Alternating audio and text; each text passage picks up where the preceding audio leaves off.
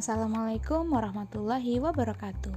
Rabu 29 Juni 2021 Ini hari ke-12 saya mengikuti kelas pelatihan online Latsar CPNS BPPT 2021 Dan ini hari terakhir saya mengikuti pembelajaran di agenda 2 di hari ini saya mendapatkan pembelajaran sinkronus. Di pembelajaran sinkronus kali ini yaitu membahas tugas yang dipimpin oleh Ibu Eva Siti Kuzayeva.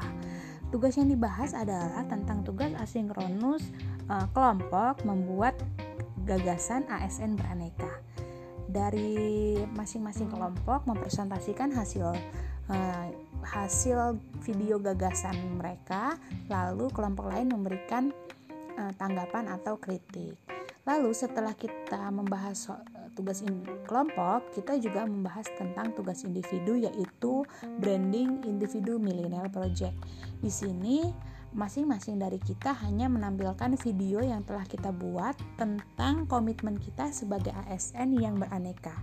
Lalu di akhir uh, presentasi kita, kita memberikan sedikit penjelasan tentang uh, maksud dan tujuan dari video yang kita buat itu.